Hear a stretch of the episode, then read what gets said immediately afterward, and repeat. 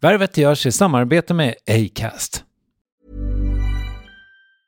Quality sleep is essential. That's why the Sleep Number Smart Bed is designed for your ever evolving sleep needs. Need a bed that's firmer or softer on either side? Helps you sleep at a comfortable temperature? Sleep Number Smart Beds let you individualize your comfort so you sleep better together. JD Power ranks Sleep Number number 1 in customer satisfaction with mattresses purchased in-store. And now, save 50% on the Sleep Number limited edition Smart Bed for a limited time. For JD Power 2023 award information, visit jdpower.com/awards. Only at a Sleep Number store or sleepnumber.com. Many of us have those stubborn pounds that seem impossible to lose, no matter how good we eat or how hard we work out. My solution is PlushCare. PlushCare is a leading telehealth provider with doctors who are there for you day and night to partner with you in your weight loss journey. They can prescribe FDA-approved weight loss medications like Wagovi and Zepbound for those who qualify.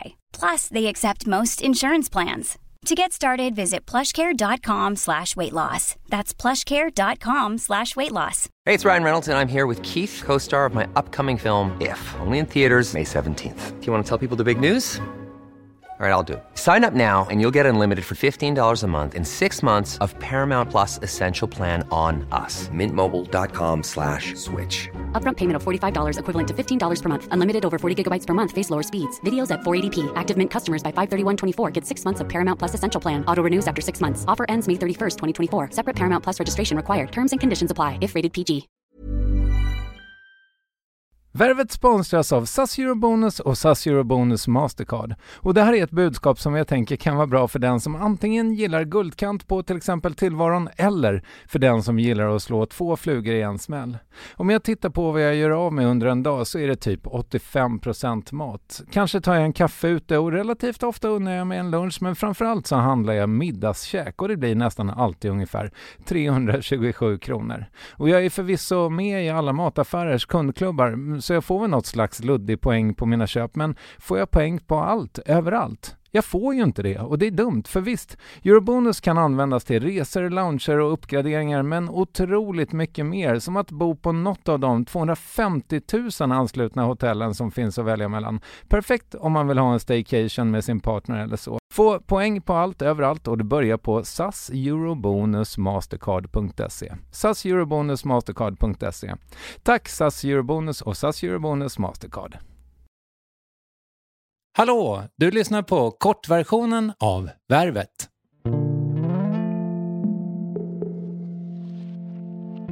Och vernissage är ju alltid på något sätt som att man är borta i huvudet.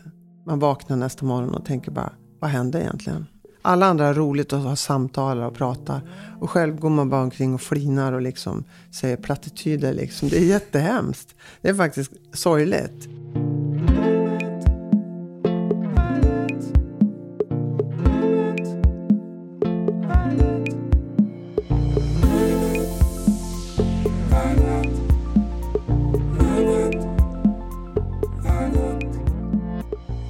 Nu blir man kanske inte profet i sitt eget hemland, men gärna precis bredvid. När Karin Mamma Andersson för ett par år sedan fick en egen utställning på Louisiana, museet som rankas som ett av världens främsta, var det historiskt. Det har nämligen aldrig hänt en levande svensk förut. Och frågar man människor som kan konst är hon det största internationella namnet vi har. Och om det funnits några baksidor med framgången, hur den relativt färska skilsmässan från konstnären Jockum Nordström präglat hennes konst och varför hon inte längre kan ställa ut i Kalmar. Det handlar Värvet avsnitt 609. Här är Karin Mamma Andersson.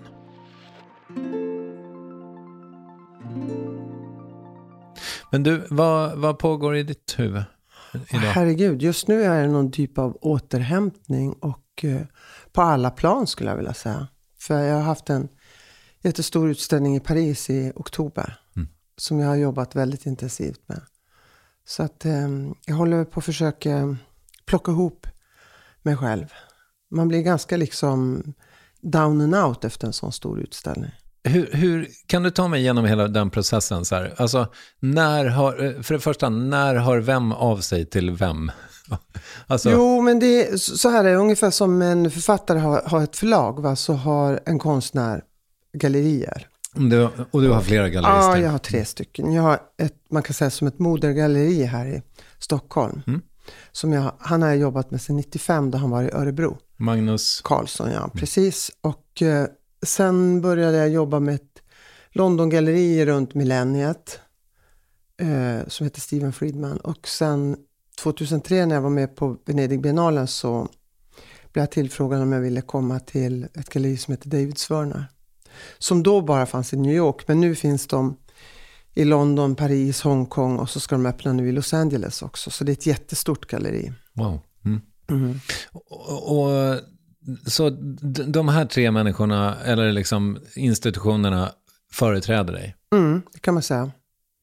Och då får, vem av dem får frågan om du vill ställa ut i Paris? Alltså, jag har ju varit en så här duktig eh, person, så att jag har ju liksom tagit dem i rätt ordning hela tiden.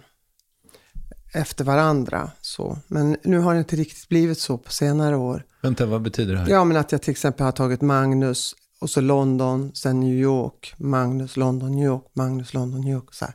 Typ. Jaha, att de, Ja. du måste ge dem din, din Jag har uppmärksamhet? gjort en utställning var ja. 18 månad kan man säga. Eller, Okej, ja, ja, mm. vartannat år eller något sånt där. Jag har haft en separat utställning. Vilket är ganska tungt. Det är ju, ja, det ställer ju höga krav på en. Men nu har jag faktiskt ställt ut på mitt amerikanska galleri två gånger på raken.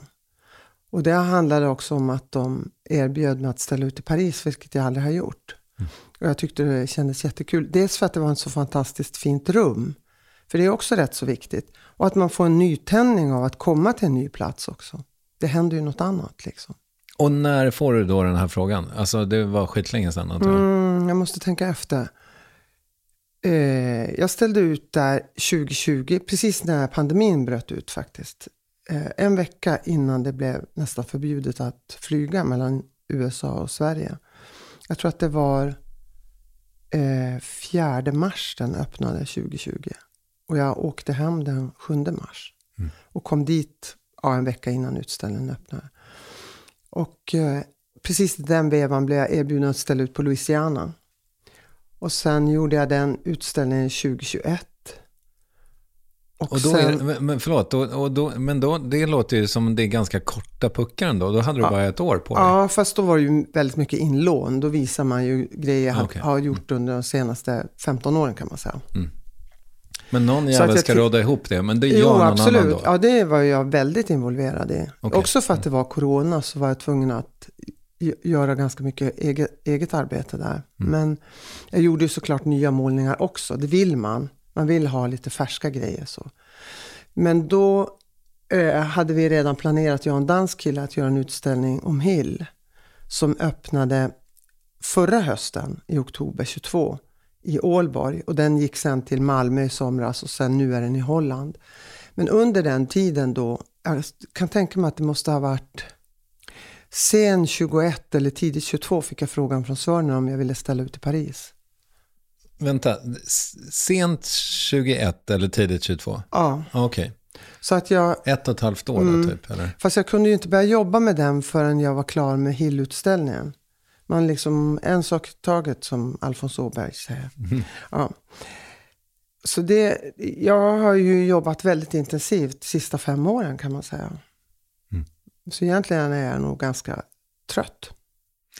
Är du jättedålig på att vara ledig, eller går det bara inte? Du, du hinner liksom inte? Alltså nu, jag har ju inte mått så himla bra sista åren efter en separation. Va? Så att därför så har ju arbetet varit helt klart en räddning för mig.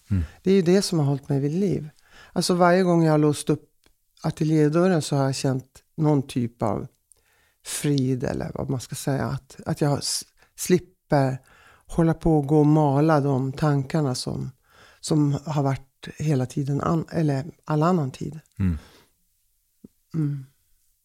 Och då vill man inte vara ledig? Nej, ja, alltså jag, jag har ju kanske varit mer social de sista två åren än vad jag har varit de sista 20 åren på ett sätt. Därför att man, man vill inte liksom sitta hemma och äta själv och va- vakna själv. Man vaknar själv och man somnar själv. Då vill man ändå umgås och träffa kompisar och sådär. Så att det har ju det har inte bara varit dåligt, det har varit ganska bra också. Jag har ju, alltså det har ju öppnat väldigt mycket nya dörrar för mig. Att man blir själv helt plötsligt efter ett helt liv i, eh, i, tä, i en tät relation. Du eh, och Silla Naumann har gjort en bok. Mm, samtalen ja. Precis. Eh, som väl kommer ut snart. Mm. Kom ut för över en månad sedan. Jaha, okej. har varit runt och snackat jättemycket om den. Ja, jag fattar. Kolla vad bra jag är på research. Ja, ja, nej, men det är. Otroligt. Vet du, jag, jag blir fan sen. Så, i, så ser du liksom saker som jag absolut inte ser. Alltså det är som att du har tränat på att titta på konst. Och så är det ju definitivt. Så, så är det verkligen. Jag har inte gjort något annat typ i mitt liv. Men jag, jag kommer faktiskt ihåg när jag tågluffade första gången. Så ville jag att vi skulle gå på Rijksmuseum i, i Amsterdam för att jag ville se Rembrandt. För jag, liksom, jag kände inte till många konstnärer då. Eh, Jag hade ju stadsbiblioteket i Luleå och det var ju liksom, ja men det var Dalí och Picasso, och Rembrandt och Zorn och Collage. Alltså det var verkligen plain så. Men jag ville att vi skulle gå dit och så och de tyckte det var lite tråkigt tror jag, de här två systrarna jag tågluffade med, men de hängde på i alla fall. Och så blev jag så paff själv att jag tyckte det var så svårt att, att ta in den här gamla 16 och 1700-talskonsten. Och jag kunde inte dechiffrera den. Det är mycket liksom. mörkt va? Ja, det var mörkt och konstigt. Jag tyckte allt såg ungefär likadant ut. Liksom. Jag blev, tyckte det var lite jobbigt. Och sen insisterade jag att vi skulle gå på Louvren också och, och upplevde samma sak där. Men jag tror eh, att jag ändå drogs till det. Det var någonting jag ville förstå. Så här, och, och sen började jag på konstskola redan som, när jag var 20 då. Eh, och ganska snart där så lärde jag ju känna, eller jag blev väldigt nära vän med eh, en kille som heter Gunnar. Och eh, han var ju lite, lite yngre än mig men otroligt mycket mer insatt i konst. Och det var som att han öppnade en ny värld för mig. Och tillsammans med vi kompisar där och min första pojkvän så kändes det som att man gjorde ett forskningsarbete. Och såg det ena efter det andra. Och det, bara, det har ju egentligen fortsatt resten av livet. Jag har ju fortfarande letar jag ju alltid efter någonting som ska häkta vid och som jag tycker är kul. Och Mm. så. Ah, och jag, det har jag också sagt ibland till unga konstnärer. att Det här tolkningsföreträdet som man har som konstnär över sina egna verk. Det försvinner ju direkt till ett verk lämnar ateljén. Då är det ju till betraktaren att uppleva någonting med den. Och det kan ju vara, den kan ju uppleva något helt annat än vad man själv hade intentioner om vad man gjorde. Va? Mm. Så att det tycker jag det är jättefint. Men jag tror att man egentligen bara ska slappna av. Man ska bara kolla. Fast jag tänker mig också att det liksom, ja men dels som då, när du tittar på en, någonting Mm. liksom, så är det som att du, alltså du har ju referenser som går så djupt tillbaka på något sätt. Jo. Så att, så att det är liksom som att du, du, det finns ett pussel Absolut. där, där vi, vi som går på konstmuseum en gång om året kommer med en liksom pusselbit och du har redan 28 Jo, men om du, om du pratar med en musiker till exempel och den hör någonting. Då, kan, då börjar ju den ganska fort associera vad, vad, vad det här är connectat med. Fast, fast för musiker, nu vet jag inte ifall det är så för din son, men att för musiker är det ju ofta så att musik är förstörd. Mm. För att de har börjat jobba med det. Men så är det inte för dig nej, med konsten. Det, nej, det är det verkligen inte. Jag, jag hade en kompis som var klippare. Alltså hon klippte film. Mm. Och hon sa att i och med att hon fick det som yrke, att klippa, så har hon aldrig, kunde hon aldrig mer ta in film på bio. och Så där, för hon satt bara och tänkte på hur de hade klippt. Ja. Men nej, så är det verkligen inte för mig. Men däremot så kan jag ju avfärda grejer på en hundradels sekund. Att jag liksom, det där är inte jag intresserad av, då bara skiter jag i det. Vad är det för fel på den här indianen då? Nej, det är inget fel på den. Jag har suttit faktiskt och tittat på den. Så har jag tänkt ibland så här, undrar om det är ett öra. Om det var ett öra så borde den ju ändå ha fäst vid huvudet. Det har jag suttit och tänkt på. Men nu ser jag att det är en fjäder. Nej, det, det är inget fel på den. Den är bra. Tack så mycket. Ja.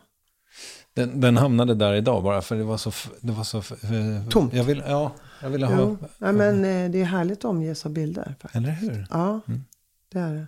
Nej, men absolut att, att, man, eh, att jag tittar på väldigt många olika plan på en gång. Jag tittar på vad det föreställer, hur det är utfört, vad det är för komposition, i vilken genre, vilken tid, när det är gjort till exempel. Om det är gam- ett äldre måleri så kanske jag tänker om det är gjort på 1900-talet, vilket decennium? Mm. Om det är 40-tal eller 20-tal eller början av 1900-talet eller om det är 80-tal. Ah, För att man, alla konstnärer är ju beroende av den tid man lever i. Samtidigt som tiden egentligen upphör ganska ofta. Att, man, att jag kan känna att ett konstnärskap sitter ihop mycket mera med, ett, med liksom en rörelse som fanns för flera hundra år sedan. Så kan det ju också vara. Men för, eh, jag tänker mig också kanske att det, om, om vi håller fast här vid, nu sa jag indianen, säg att det är en nativamerikan då. Det låter mycket bättre. Ja. Eh, eller mer politiskt korrekt i alla fall. Eh, nej, men om det här nu är en nativamerikan så tänker jag mig kanske att anledningen till att jag köpte den av Jesper Waldersten var nog för att han hade hängt den så vackert hemma hos sig själv. Ja. Eh, och då kände jag så här, fan, ungefär så här vill jag ha det i mitt liv. ja, men så kan det väl vara. Det är väl jättehärligt. Ja, fast det hade ju varit härligt också. Fast det, men det kanske, ja. Ja, men man, får, man, man uppfinner ju inte hjulet hela tiden själv. Utan man, man, man eh, får ju liksom idéer av andra. Mm, Det är ju det som är att vara människa på något sätt. jo. Eh, Men det där är ju ett grafiskt blad. Mm. Och därför finns det ju i några exemplar. Och därför kan du ju ha ett likadant blad som Jesper själv hade hemma. Mm. Det, Om det inte hade varit för det att Grafiska museet i Mariefred brann ner. Va? Exakt. Så jag ja. tror att det här kanske var... Ja, det, det var en hel del som brann upp för mig också. Där. Ja, det var så. Mm. Ja, wow. Jag hade ju varit och jobbat där strax innan så att det var en hel del som brann upp Ja, faktiskt. fan. Ja, Wow. det var ju jättehemskt för att Ja. det, Stockholm har ingen riktigt bra grafisk verkstad idag. Mm. Och vilket är helt anmärkningsvärt faktiskt. Men, är, men den, och den är inte tillbaka i Mariefred va? Jo, men det funkar inte som det gjorde. Det var ju så otroligt bra där. Liksom en jättestor fungerande verkstad med många tryckpressar och ett jättestort bibliotek och utställningshallar och kafeteria. Det var ju liksom en institution kan man säga. Som väldigt många gamla grafiker hade varit med och startat upp. Med hjälp av statliga medel också. Så att det där var ju en förlust. Och det var ju bara några år senare så brann ju den grafiska verkstaden upp på Konsthögskolan ute på Skeppsholmen. Som också var väldigt välutrustad och bra. Så att nu för tiden när jag, de, när jag trycker själv så åker jag ju alltid till Danmark. Okej. Det är två olika tryckerier jag jobbar med. En med djuptryck och en med litografi. Det finns någon på Långholmen, men det är någon annan teknik Jo, ja, men, eh, absolut att det har dykt, poppat upp några ställen. Och de är, de är säkert jättebra. Jag tror inte att det är något fel på dem överhuvudtaget. Men de har ju inte den där bredden som de två verkstäderna hade. För det krävs så jävla mycket pengar för att bygga upp det också. Din egen tryckpress, vem fick den i skilsmässan? Ja, nej, men den är min faktiskt. Den står kvar på Gotland. Okej, Ja. Mm. jag Ja. fattar. Mm. Men ja, jo, och jag ska bara sluta, slutföra det här resonemanget kring att se på konst. För jag tänker mig att så här, det handlar kanske också om att ge det tid, tänker jag. Ehm, och det, det måste vara lite jobbigt, tänker jag. När du, nu kanske man ganska sällan ser folk se ens konst, men du är ju ändå där på något vernissage kanske. Hur är det då? Är man... Jag, jag tror att jag skulle tycka att det var jättejobbigt att se folk se min konst. Ja. Om Alltså, jag kan säga det jag har tyckt var, har eh, varit plågsamt. Det var väl första utställningen jag gjorde på elevgalleriet på Mejan där. Då skulle man sitta och vakta sin egen utställning. Okej. Det var ju faktiskt tortyr. Det tycker jag är, skulle vara skitjobbigt. Det är därför det är så skönt att någon annan bara tar hand om det. Och vernissage är ju alltid på något sätt som att man är borta i huvudet. Man har pratat med alla och ingen. Man vaknar nästa morgon och tänker bara vad hände egentligen? Man har ingen aning. Det bara, ingenting blev sagt. Alla andra har roligt och har samtal och pratar. Och själv går man bara omkring och flinar och liksom säger plattityder. Liksom. Det är jättehemskt. Det är faktiskt sorgligt. För att det vore ju så kul att prata med alla och vara med alla. Men jag är sällan med då. Det är liksom, Närvarande. jag checkar ut Mm. på något så konstigt sätt. Eh, nej, men jag tycker att eh, jag har inga problem idag med att folk eh, tycker eller frågar om mina saker och så. Däremot kan jag tycka att det kan vara jobbigt att gå på andras vernissage ibland. För att jag är rädd att folk ska förvänta sig att man ska säga saker. För det är svårt att, att säga någonting också. Man behöver ju få tänka efter och få smälta in i det och så. Men jag tycker of, oftast så eh, vill, vill man ju vara positiv och uppmuntrande. Det tycker jag är jätteviktigt. Framförallt kollegialt är det jätteviktigt att vara, vara liksom positiv. Mm. Men, och där, och, och ännu viktigare mot unga, unga konstnärer. Är mm. väldigt, väldigt viktigt. Men där känns det väl som att, eh, eh, nu, jag kan inte komma ihåg att jag har varit på vernissage där konstnären har varit med på jättelänge, jättelänge eller där jag har förväntat säga någonting. Men när man går på liksom teaterpremiär, ja. Då, då, eller film, då får man ju alltid säga något sånt. Liksom. Jo, men alltså folk kommer ju fram, när jag, om jag till exempel öppnar en utställning så kommer ju folk fram och liksom pratar och eh, ofta positivt. De som är negativa säger, säger ju inget, de smiter undan kanske. Mm. Jag vet inte, men eh, Ja, men igår, jag var faktiskt på en filmpremiär igår. Jag var och såg den här um, Dag Hammarskjöld. Okej. Okay. Mm. Mm.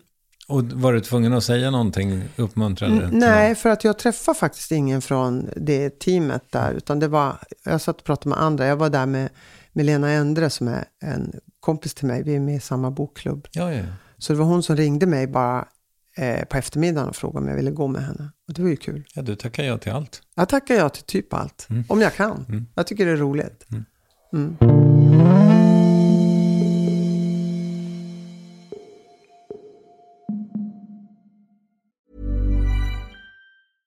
Selling a little or a lot? Shopify helps you do your thing however you cha-ching. Shopify is the global commerce platform that helps you sell at every stage of your business. From the launch your online shop stage to the first real life store stage, all the way to the did we just hit a million orders stage. Shopify is there to help you grow. Shopify helps you turn browsers into buyers with the internet's best converting checkout. 36% better on average compared to other leading commerce platforms because businesses that grow grow with Shopify. Get a $1 per month trial period at shopify.com/work. shopify.com/work. Quality sleep is essential. That's why the Sleep Number Smart Bed is designed for your ever-evolving sleep needs. Need a bed that's firmer or softer on either side? Helps you sleep at a comfortable temperature? Sleep Number Smart Beds let you individualize your comfort so you sleep better together. JD Power ranks Sleep Number number 1 in customer satisfaction with mattresses purchased in-store. And now, save 50% on the Sleep Number limited edition Smart Bed for a limited time. For JD Power 2023 award information, visit jdpower.com/awards. Only at a Sleep Number store or sleepnumber.com. There's never been a faster or easier way to start your weight loss journey than with PlushCare PlushCare accepts most insurance plans and gives you online access to board-certified physicians who can prescribe FDA-approved weight loss medications like Wigovi and Zepbound for those who qualify. Take charge of your health and speak with a board-certified physician about a weight loss plan that's right for you. Get started today at plushcare.com slash weight loss. That's plushcare.com slash weight loss. plushcare.com slash weight loss. Yes, ny sponsor. Värvet presenteras i samarbete med Svea Bank. Och jag menar inte att ta ner stämningen, men dessvärre är ju lågkonjunkturen här, vilket innebär att de flesta branscher har det tufft och också väldigt många privatpersoner. Jag vet själv vad det är att ha en trasslig privatekonomi. Det var struligt i många år för mig och låg ofta post i hallen med trista logotyper i ena hörnet och jag hade också i flera års tid ett helt gäng betalningsanmärkningar. Och tyvärr är det nog många som har det svårt att få ihop till räkningarna just nu, som har hamnat i ekonomiskt trubbel. Och det är här Svea Bank kan kliva in med något som kallas skuldfinansiering. Där löser de skulder hos inkasso och till Kronofogden och till och med om Kronofogden vill sälja ditt boende har Svea Bank möjlighet att hjälpa till. I den här tjänsten får du en personlig handläggare som gör en grundlig genomgång av din ekonomiska situation. De tar kontakt med dina kreditgivare och när ett lån beviljats löser de dina skulder skulder åt dig och samla dem i ett enda lån med en avbetalningsplan som din ekonomi klarar av. För om du har hamnat i klister, du är inte ensam och kanske kan det här hjälpa dig. På svea.com skuldfinans kan du läsa mer. Tack Sveabank! Men du, eh, nu har du tagit upp det själv ett par gånger. Jag vet inte om du tycker att det är för privat, men jag tänker så här. Det är ju ändå liksom lite intressant att du och Jockum var, liksom, alltså ni på olika sätt var så himla framgångsrika liksom, mm. i det ni gjorde. Parallellt, ja. Ja, mm. precis. Och kändes också som så här, ja men jag hittade någon podcast när ni pratar mm. om konst eller vad fan det nu mm. var. Är det lite grann som att du har så tappat en del av dig själv? Gud ja. Alltså mm. i början kändes det som att jag var amputerad. Mm. Verkligen. Nej men vi har ju verkligen följt varandra totalt. I liksom motgång och framgång och med barn och allt socialt. Och, ja men vi har verkligen gjort allt tillsammans. Sett alla utställningar ihop och pratat från morgon till kväll liksom. Mm. Man har pratat tills man har somnat och man har vaknat med att börja prata typ. Och mm. lyssnat på jättemycket musik och sådär. Så det är klart, det blev ju ett väldigt, eh, väldigt avbräck. Och han liksom, finns han inte kvar så att du fortfarande kan göra Nej, det? Nej, det gör han inte. Mm. Det gör han faktiskt inte. Han ville inte. Nej, jag fattar. Men det är svårt alltså att prata om, om en separation offentligt. Därför att en separation är ju mellan två personer, så det blir ju så fel. Det, mm. det blir väldigt fel att göra det. Men, men eh, det är klart att jag, kan, att jag inte har några problem med att säga att det var tungt och att jag kände mig amputerad, absolut. Det, han var ju den viktigaste människan i mitt liv, helt klart. Mm. Ja, jag fattar det. Um, jag är ju så jävla nygift va? Men, ja, härligt. Men, ja, men det är, det är också så intressant. För nu bor vi ihop för första gången då på åtta år. Uh, och det är ju liksom ett nytt kapitel att ha någon intill sig hela tiden. Släppa in någon ja. Mm. ja. Mm. Jo. Ja, för det där tänker jag också på att det, jag längtar väldigt mycket efter att komma någon nära igen, självklart. Mm. Men jag är ju också, jag har ju en ganska alltså, tydlig gard. Mm. Man är ju bränd på något sätt. Mm. Och man vet, fattar inte det själv. Man tror att man inte att, att inte den där garden syns, men det gör den ju faktiskt. Mm. mm. Ska vi byta ämne lite? Det kan vi göra. Mm. Det är nog vettigt. Men du, nu sa du, det hade varit så snyggt, eh, för du sa någonting om att det inte, ja bla, skitsamma. Ja. Men, det, men det här med att bli liksom stor eller känd eller sådär, alltså som konstnär då tänker jag mig, du är ju verkligen det. Um, ställer det till det på något sätt? Det gör det ju helt klart. Men eh, jag försöker ju att, eh, att sudda bort det. På vilka sätt ställer det till det? Nej, men det är, jag har jättesvårt att hantera det där. Fast jag kan också känna att det, jag tänker som igår till exempel, när man ser alla skådisar och man känner igen jättemånga där som man har sett på teater och film och så. Alltså som konstnär går man ju rätt fri där med huvudet. Eh, de, det är många som vet hur Ernst Billgren ser ut, för att han har varit ganska medial så. Men eh, det är inte så många som känner till så många andra konstnärer i samtiden i, i Sverige. Och jag kan ju tycka det är jätteskönt. Och jag har ju dessutom ett bra namn. För att om jag inte vill bli igenkänd så säger jag, nämner jag ju aldrig mamma. Nej. Då säger jag bara Karin Andersson. Och då är jag ju inkognito. Mm. Det är ju väldigt skönt. Eh, det är väl, det, man vill, jag, vill inte, jag har aldrig velat vara skrytsam. Jag vill inte liksom sätta mig på någon hög häst. Jag tycker det är en svår position att vara framgångsrik då förväntas man också försvara någonting. Och jag vill inte försvara någonting. Okay. Men vad betyder det? Att du kan inte liksom, nu, nu, när du har ställt ut i Paris, då kan du inte eh, ställa ut på Kulturhuset i Jo? Nej, nej, men så är det ju absolut. Men jag tycker ju fortfarande att det är väldigt fint. Det var ju en man som ringde för ett tag sedan. Jag tror att han ringde från Kalmar. De hade någon konstförening och frågade om jag skulle kunna göra en utställning där. Och jag tyckte det var jag blev väldigt glad att han gjorde det. Även om jag måste säga nej, så är det ändå fint att folk frågar. Och jag tycker inte alltid att det är viktigt att ta det mest prestigefulla. Att göra det valet. Okay. Mm. Ibland kan det vara väl så bra att ta någonting som är underground eller liksom kommer från ett helt annat håll. Men, men, är, men du tycker inte det, men dina, de här tre galleristerna? Ja, nej men de skulle ju löpa amok om jag började tacka ja till en massa eh, konstiga saker. Okej. Alltså det, det skulle inte gå. Nej, nej. nej. För nej, det är nej, liksom nej, det ett- går inte. För- För det är, det är en uppåtgående spiral så liksom. Och du, Ja, alltså det har väl varit på ungefär samma nivå rätt länge. Jag tycker nog att Parisutställningen kickade upp mig några, några pinnhål.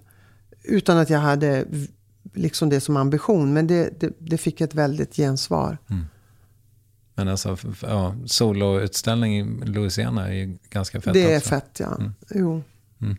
Och eh, nej, men nu har det blivit andra museer som är intresserade. Så det är ju jättekul. Det, är, Men- det är ju jätteroligt. Alltså det är ju världens möjlighet.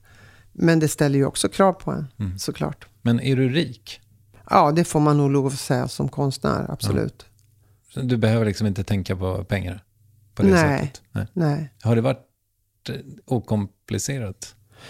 Nej, men jag tror att när jag bestämde mig för att bli konstnär så tänkte jag att det är villkoret att man får leva väldigt enkelt. Och det, så var det ju.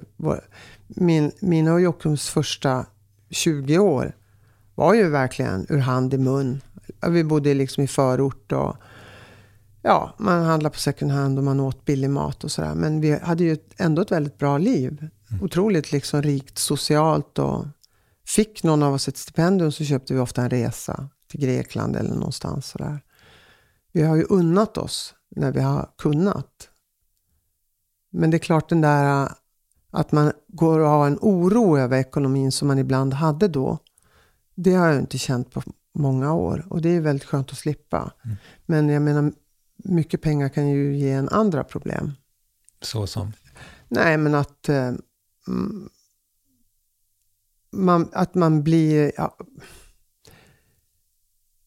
ja, men jag har väl, mina bästa vänner har ju inga pengar alls, så det kan ju bli så här ojämnt. Mm. Jag kan tycka det känns lite jobbigt.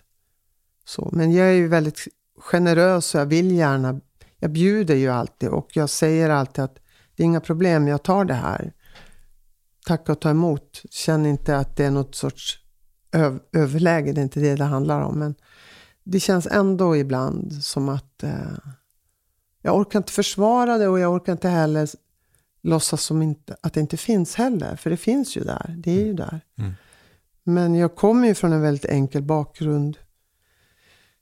Alltså när jag växte upp. Och det är klart, det, finns ju, det sitter ju kvar igen. Mm. Min identifikation är ju inte som att, att vara en människa som har gott om pengar. Så du har liksom inte köpt en ny, du, du har inte köpt en sportbil nu när du har skilt dig? Så. Nej, det ska jag nog inte göra. Nej. Det gör jag faktiskt inte. Och jag går inte heller och köper en handväska för 40 000. Okej. Det, är liksom, det intresserar mig inte. Mm. Men jag unnar mig det jag behöver. Liksom. Jag, det har tagit väldigt lång tid att, att, att komma till det stadiet. Att ja, men det är helt okej, det här kan jag köpa. Eller Mm. det här kan jag göra.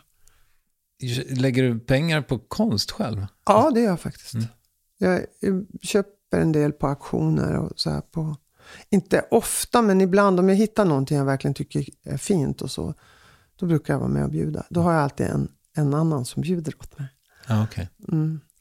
Och... Eh, Varför det? För att det är genant att det... nej, därför att eh, om folk säger att jag bjuder på det så börjar andra bjuda på det. Okej.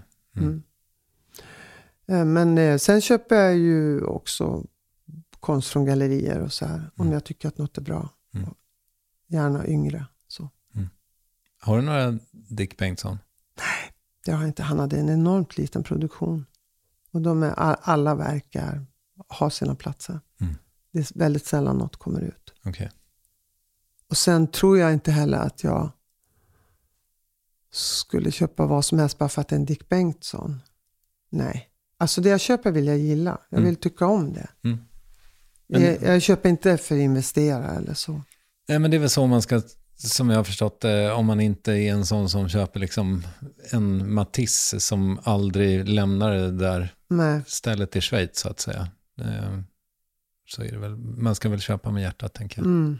Nej men jag har, ju, jag har ju inga liksom, jag har ju inga sådana verk hemma. Jag har ju mest svenskar.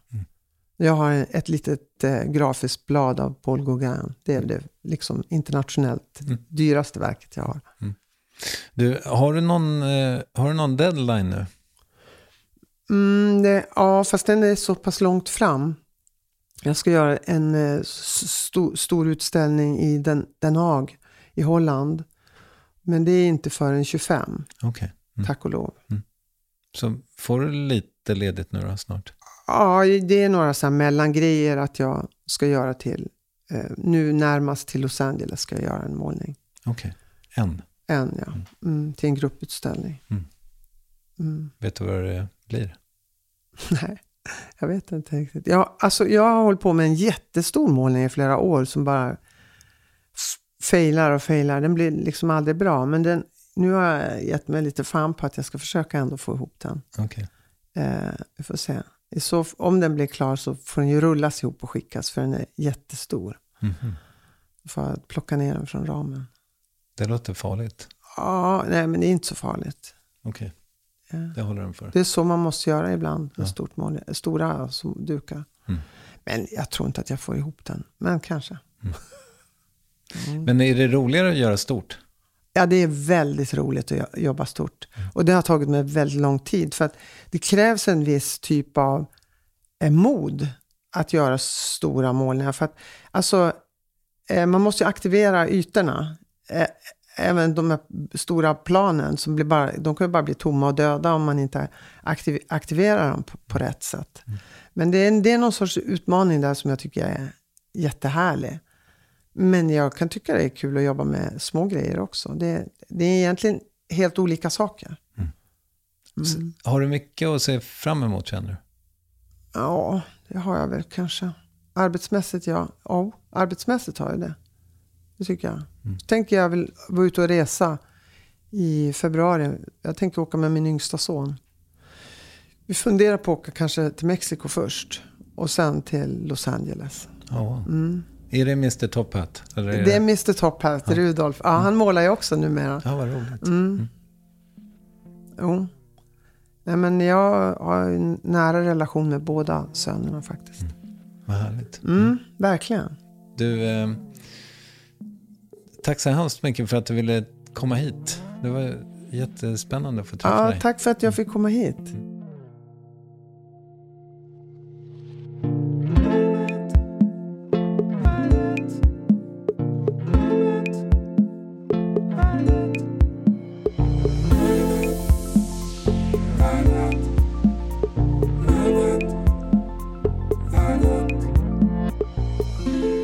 Yes, Karin mamma Andersson är otrolig och det är även hennes son som nämndes, Rudolf Mr Top Hat Nordström som även han målar. Sök och du skall finna.